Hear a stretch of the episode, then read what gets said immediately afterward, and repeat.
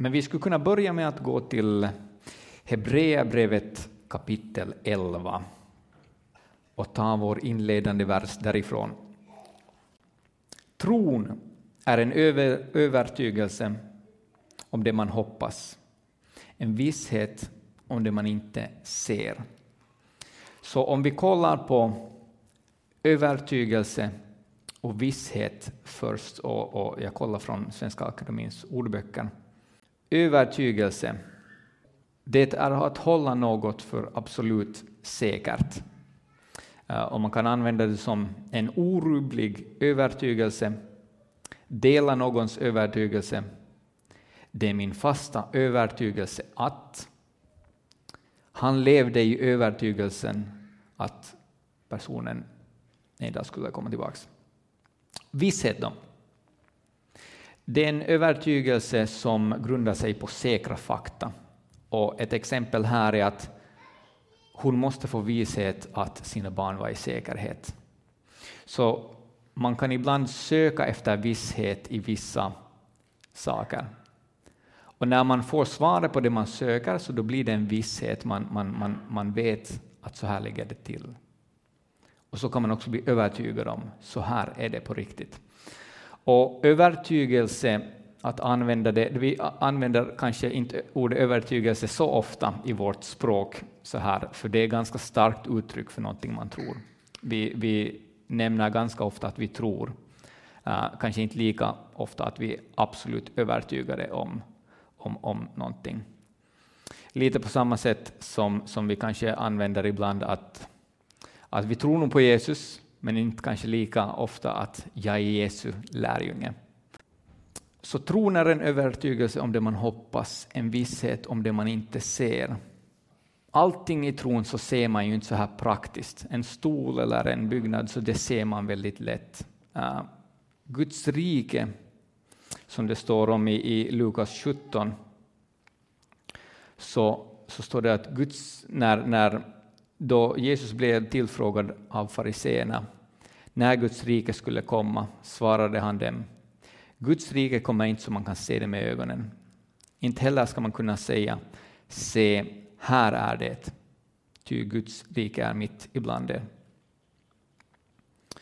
Så att vi har en visshet, en övertygelse om någonting som man kanske inte helt påtagligt kan, kan röra vid, men vi vet ändå att det är här. Vi vet ändå att Gud är med oss. Det står i Bibeln att där två eller tre samlas är Gud mitt ibland oss.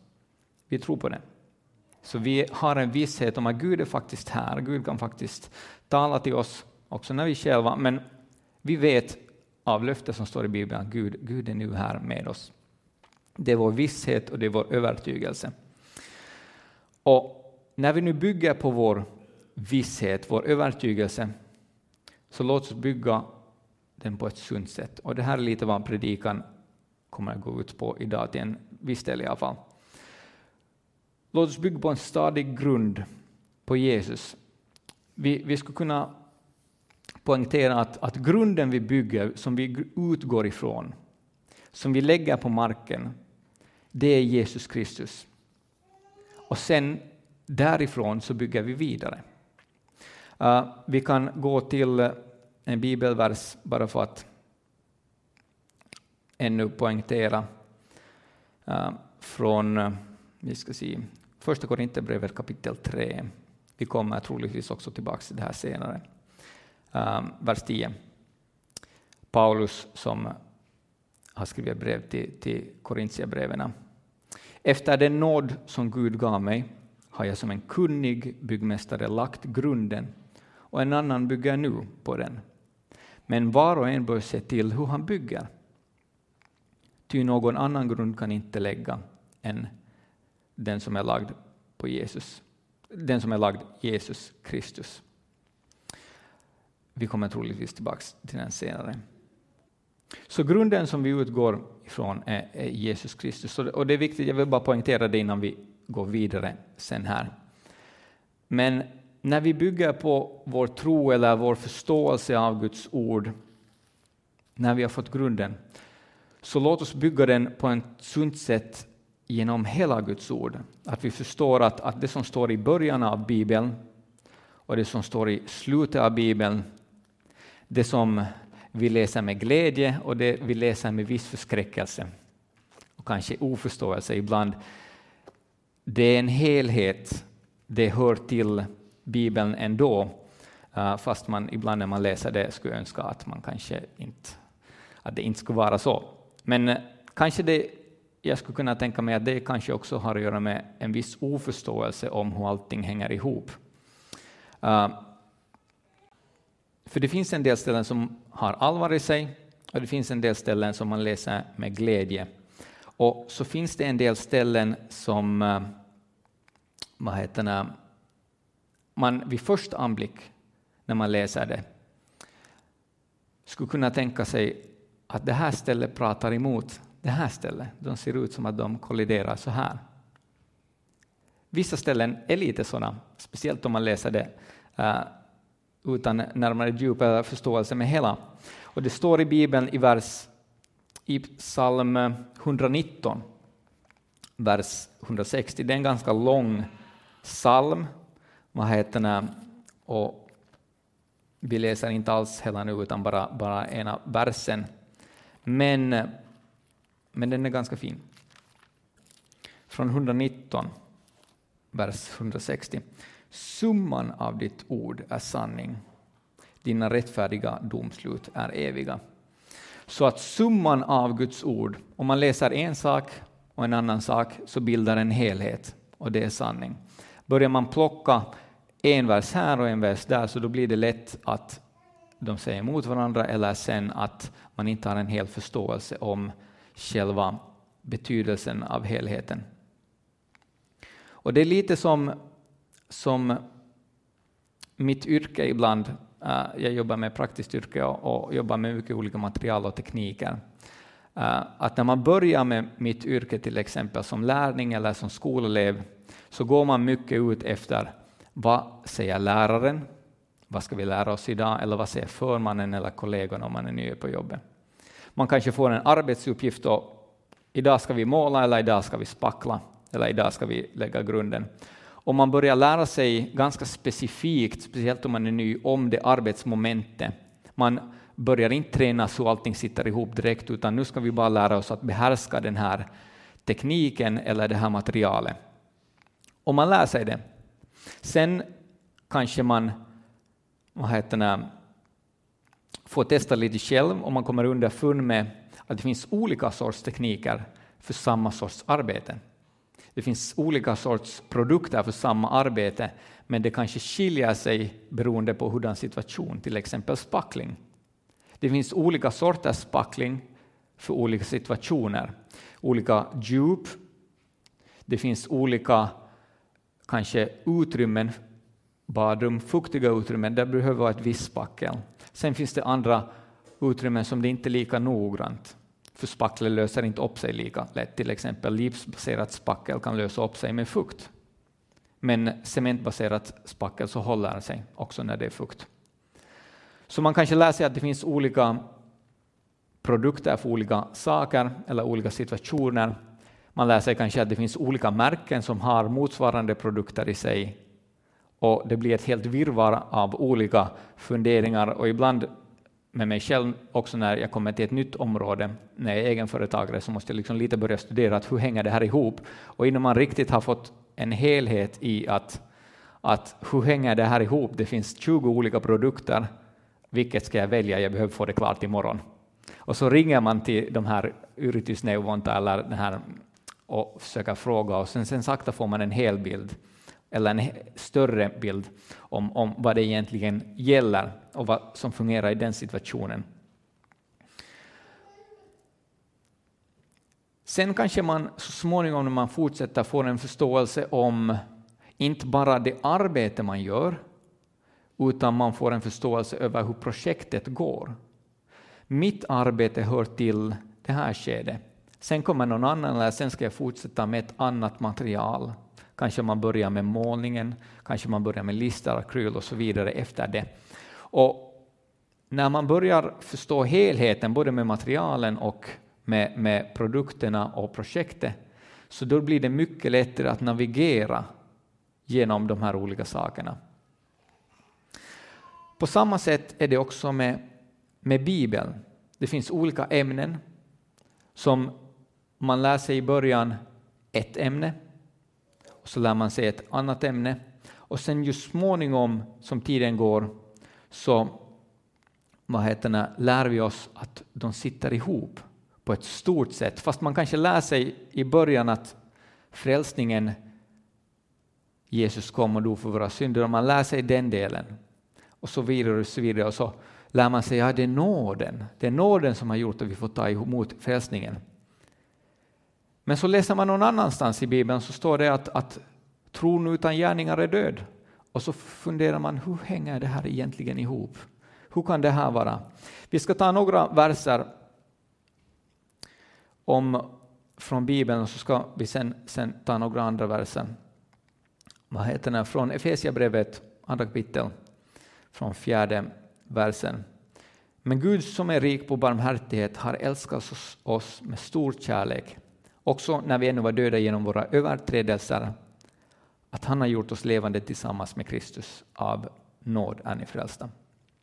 Sen hoppar vi till Romarbrevet, tredje kapitel, och vi kan ta från eh, vers 26. Under tiden för Guds tålamod, i den tid som nu, vill, nu, som nu är ville han visa sin rättfärdighet, att han själv är rättfärdig, när han förklarar den rättfärdig som tror på Jesus. Vi tar en till ännu. Romarbrevet 10, kapitel, 9, eh, kapitel 10, vers 9. Om du därför med din mun bekänner att Jesus är Herren och i ditt hjärta tror att Gud har uppväckt honom från de döda skall du bli frälst. Ty med hjärtat tror man och blir hjärt rättfärdig, med munnen bekänner man och blir frälst. Sen, om vi hoppar till exempel till Jakobs brev, som också är Guds ord, och som pratar om olika saker som kanske också blir ganska djupt, speciellt för någon som, som, som är ung i, tröd, eh, i, i tron. Mina bröder från äh, andra kapitlet, vers 14. Mina bröder, vad hjälper det om någon påstår sig ha tro men saknar gärningar? Kan en sådan tro frälsa någon? Sen hoppar vi framåt till vers 21. Blev inte vår fader Abraham erkänd som rättfärdig genom gärningar när han bar fram sin son på altaret? Du ser att hans tro samverkade med hans gärningar och att det var genom gärningarna som tron blev fullbordad, så att den uppfyllde så att så uppfylldes skriften som säger Abraham trodde Gud och det räknades honom till rättfärdighet och han kallades Guds vän. Ni ser alltså att en människa erkänns som rättfärdig genom gärningar och inte bara genom tro. Blev inte kökan Rahab på samma sätt erkänd som rättfärdig genom gärningar när hon tog bort sändebuden och förde ut dem en annan väg? Liksom kroppen utan ande är död, så är också tro utan gärningar död. Eh, jag ber om ursäkt att jag inte benar ut det här mera, men det, jag läser upp det här bara för att bevisa en poäng.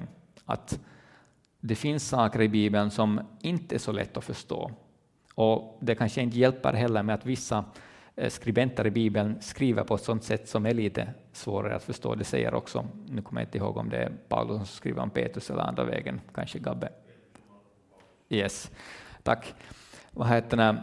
Så det finns saker som inte är så lätt att förstå och när vi har grunden så får vi börja bygga på, på kontexten i Bibeln. Vad heter det? Och vi ska försöka bygga den på ett sunt sätt. Inte på ett monotont och enformigt sätt, utan på ett sunt sätt så att vi får ett bra och nyttigt perspektiv. Speciellt i vår värld nu, när det blir så lätt att man tar ett ämne eller en vers och så drar man det till överdrift så att det blir ur referens eller ur perspektiv, ur kontrast med, med det som det egentligen står i Bibeln och så blir det egentligen nästan fel. Eller det blir fel när man drar det för långt, man drar det ut från vad det egentligen säger. Man tar ett bibelord som nog är Guds ord, men man drar det ut från vad det egentligen är. Så vi behöver kunna ta det i kontext och så vidare. Men samtidigt som, som vi vet att det finns så ska vi också kunna erkänna att det finns undervisning för de som är omogna i tron och det finns undervisning för de som är mogna i tron. Så att vi ska inte känna press att vi ska kunna ha allting färdigt på en gång, utan vi ska ta det i den takt vi, vi, vi får det för oss. Om vi går till Hebreerbrevet kapitel 5 så kan vi läsa lite mer om, om, om, om det från vers 11.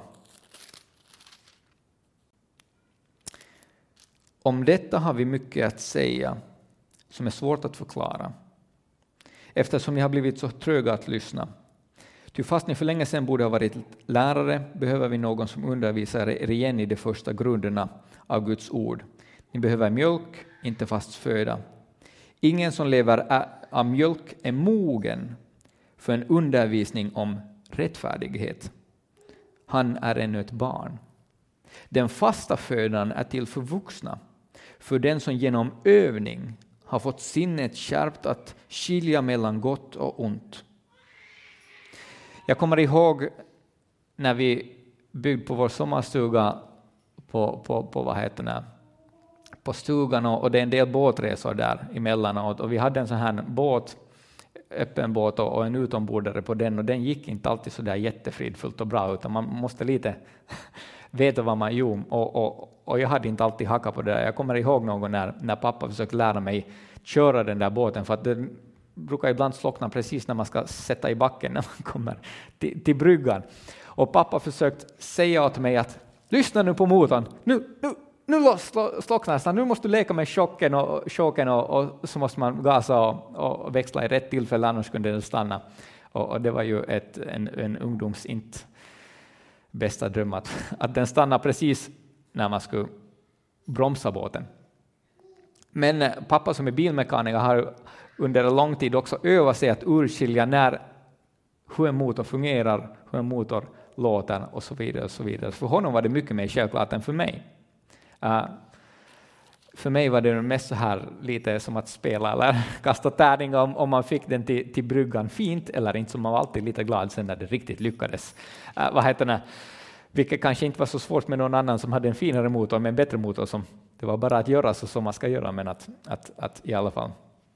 Vi fortsätter från vers 1, eh, kapitel 6. Låt oss därför lämna, oss, lämna bakom oss de första grunderna i Kristi lära och föras till fullkomlighet. Låt oss inte på nytt lägga grunden med omvändelse från döda gärningar och tro på Gud, med undervisningar om reningar och handpåläggning, om de dödas uppståndelse och en evig dom. Ja, det vill vi göra om Gud tillåter. Vi stoppar där och så far vi vidare till som egentligen talar om samma sak och som vi redan var inne på här. Men nu läser vi lite tidigare från Korintierbrevet eh, kapitel 3 som vi redan var där på vers 10, men nu får vi från vers 1.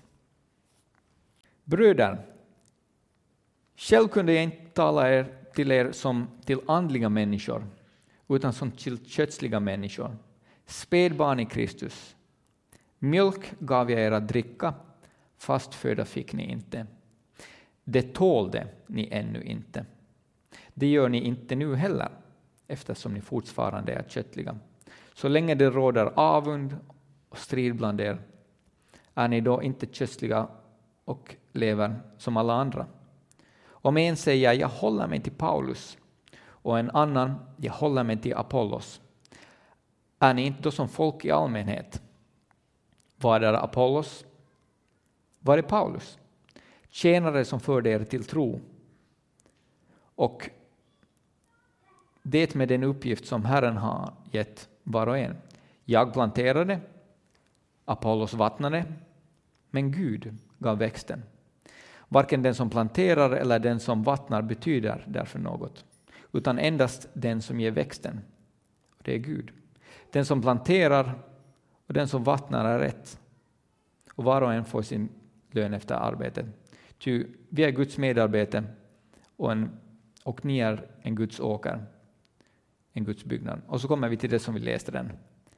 Efter den nåd som Gud gav mig har jag som en kunnig byggmästare lagt grunden. Och en annan bygger nu på den. Vid något skede var det Apollos. Men var och en bör se till hur han bygger, ty någon annan grund kan inte lägga än den som är redan lagt, Jesus Kristus. Om någon bygger på den, med grund, på den grunden med guld, silver eller dyrbara stenar eller med trä, hö och halm, så ska det visa sig vad var och en har byggt. Den dagen kommer att visa det eftersom det uppenbaras i eld och hur var och ens verk är skall elden pröva. Om det verk någon har byggt består provet ska han få lön, men om hans verk bränns upp ska han gå miste om lönen. Själv ska han dock bli frälst, men som genom eld.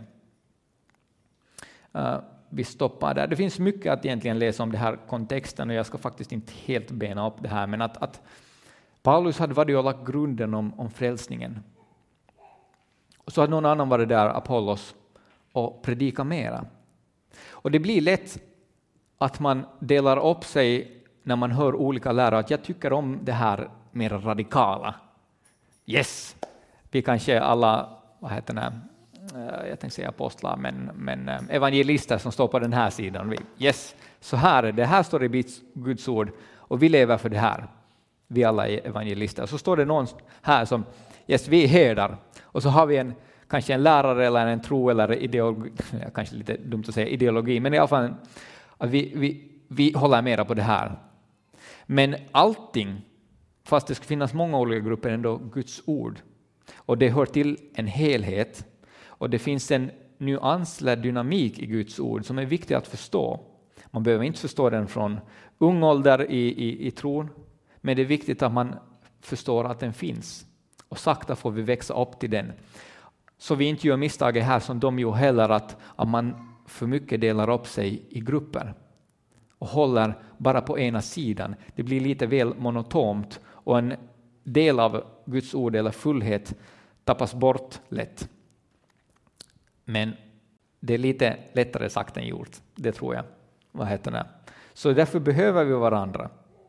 Vi behöver våra olikheter i Kristi kropp. Det står om att vi alla är olika lemmar med olika funktioner. Någon är ögonen, någon är händerna och så vidare. och så vidare. Vi behöver varandra att kunna bygga upp till fullheten i Kristus. Summan av Guds ord är sanning. Som jag sa redan, jag tror att det är väldigt viktigt i vår tid just nu att vi som kristna, vi som egentligen ska föra det här budskapet om Guds rike, om tron, om frälsningen, att vi har en sund uppfattning.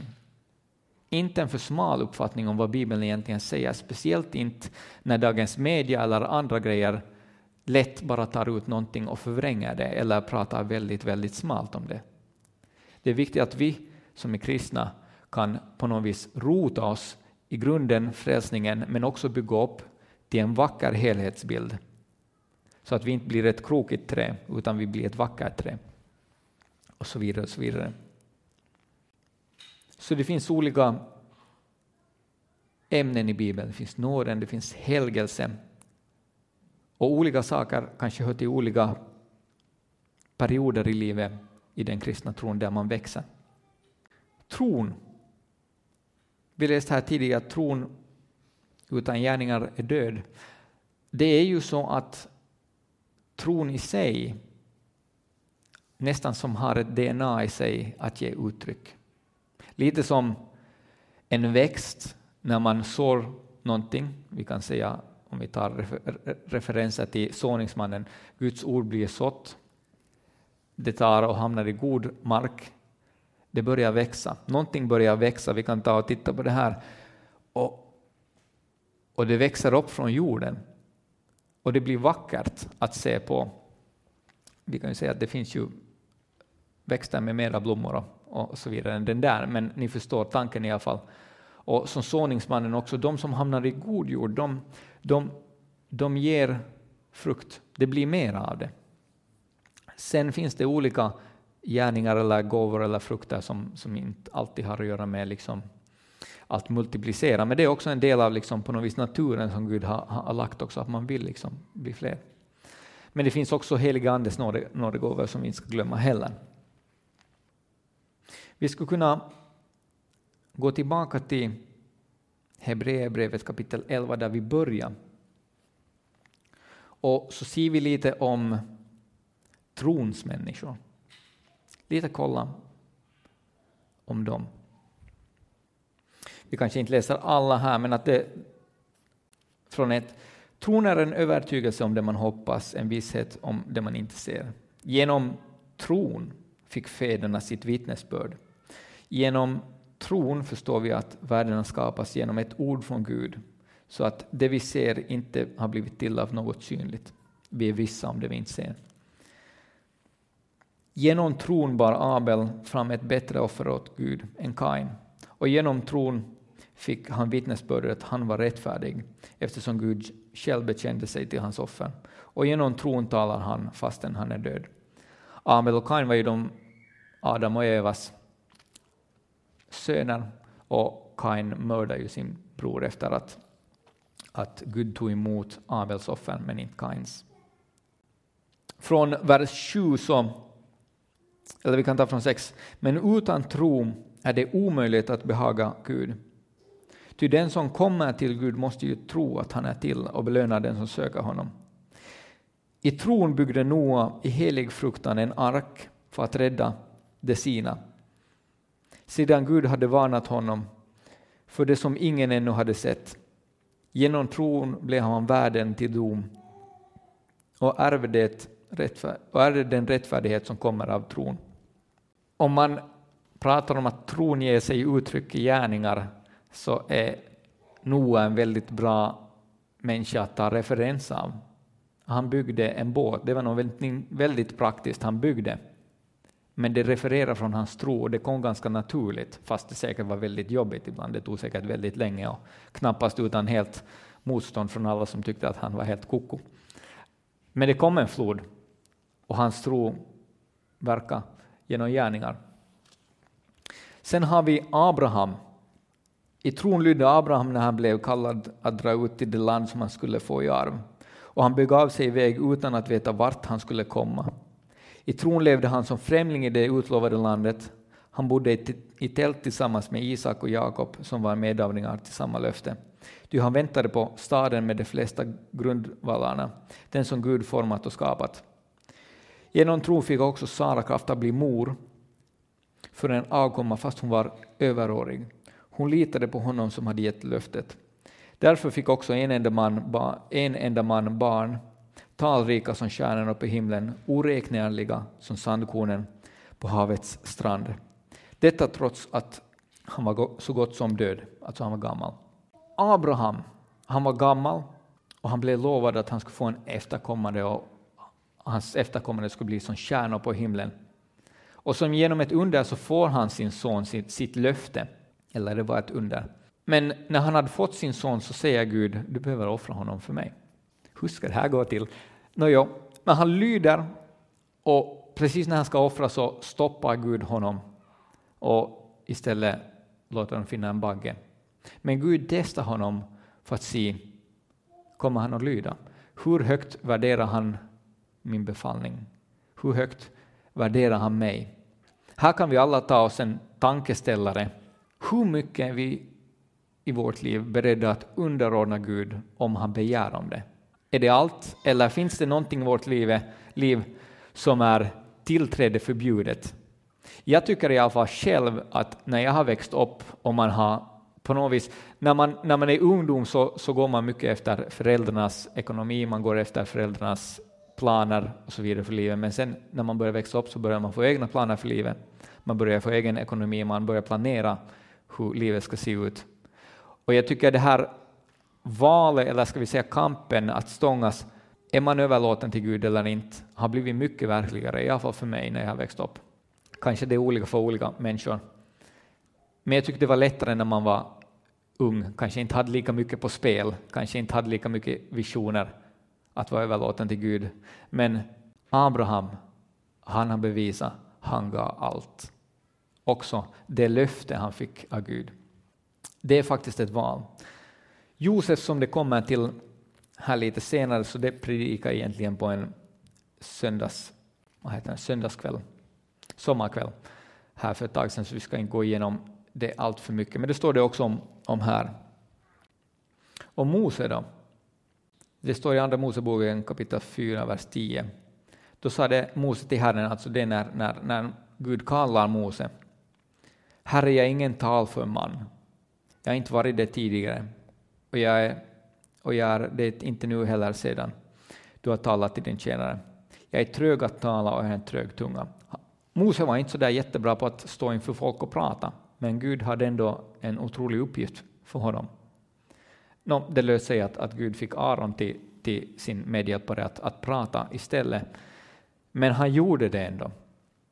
I kapitel 11 så läser vi om många, många, många, många till som vad de åstadkom under tron, vad de fick vara med om, hur de kunde besegra olika saker. Och det sammanfattar här också, men att egentligen över hela Bibeln så får vi läsa om personer som genom tron fick vara med om olika saker. Om genom sin visshet eller sin övertygelse så kunde Gud använda dem. Och det är ju inte alltid så att de människor som Gud har använt genom sitt ord har alltid varit de som, som har varit de mest ståtliga eller de till människors liksom, synes varit de som man kanske skulle välja. Men Gud ser till hjärta. Vi ska ta och kolla här från Första Samuelsboken kapitel 16, vers 6. Och det är när, när Samuel kommer och ska smörja Israels, Israels nya konung. Det är när han kommer in och ser, ser en av Davids bröder.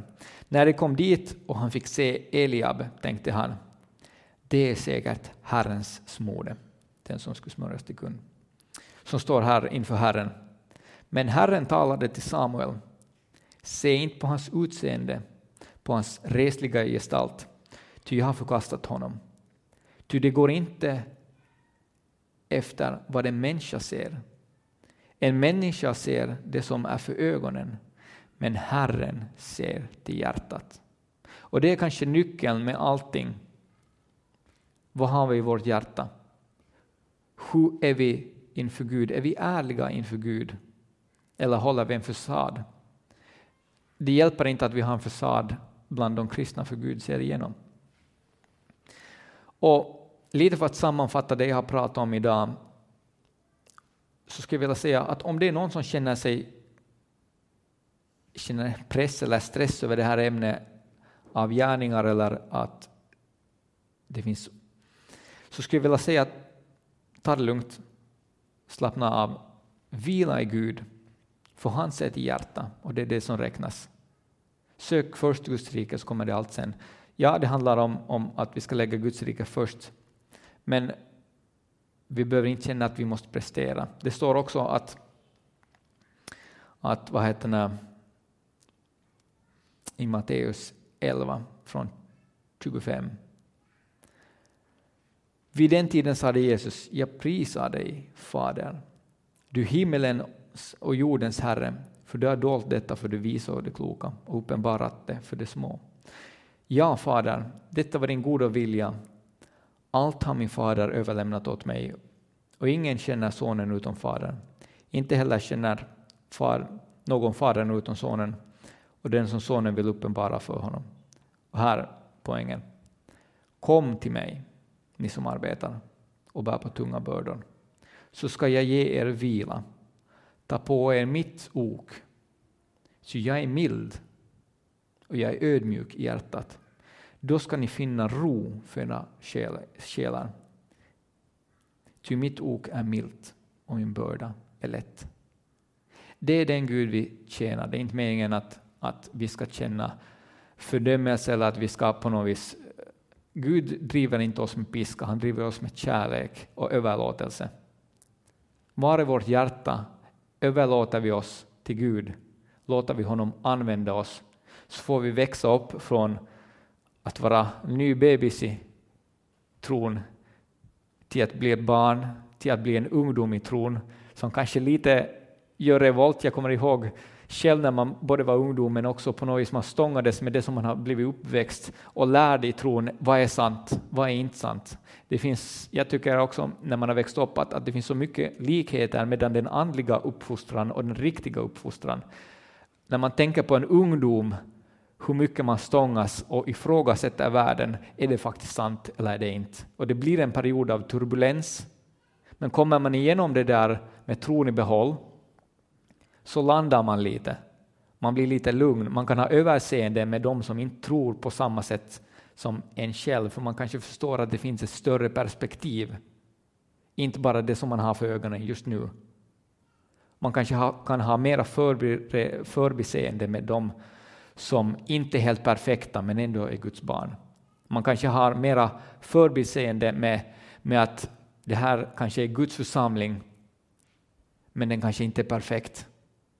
Vem är perfekt? Men eh, man behöver kanske inte ta avstånd eller, eller, eller förkasta för det, fast det är inte är perfekt. Vishet kommer med, med åldern och, och med en, som det står också, um, med tiden har lärt sig urskilja mellan gott och ont. Det tar tid att växa upp, också andligen. Och vi får också, vi som är yngre, vi får respektera de som är äldre och har gått en längre vandring i Gud. Respektera dem, för det är de värda. De har gått igenom mycket. Sen kanske de inte förstår riktigt vad vi går igenom och sen vi kanske inte förstår vad de har gått igenom. Men behandla de äldre respektfullt. Och vi äldre, jag vet inte vad jag är så att jag är, jag, ska inte, jag vill inte säga, jag säger vi på båda. Uh, vad heter det?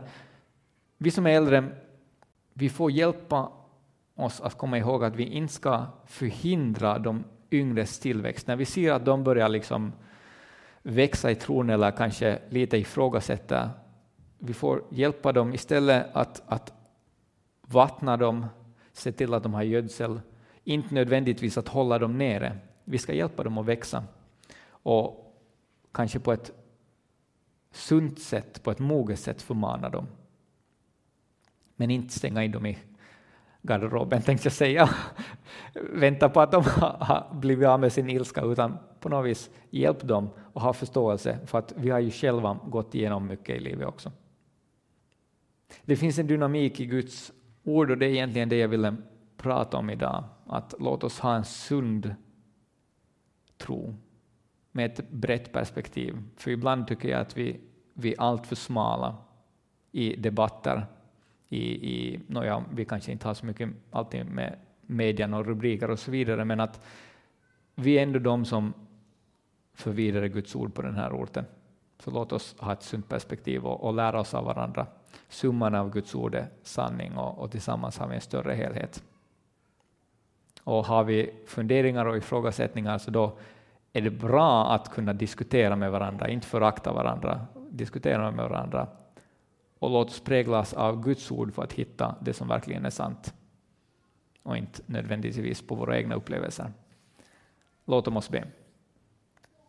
Tack Jesus för att du har lagt enorma välsignelser och berikningar i din församling. Tack för att du har skapat oss olika med olika förmågor och, och vad heter kallelser. Tack för att vi är olika.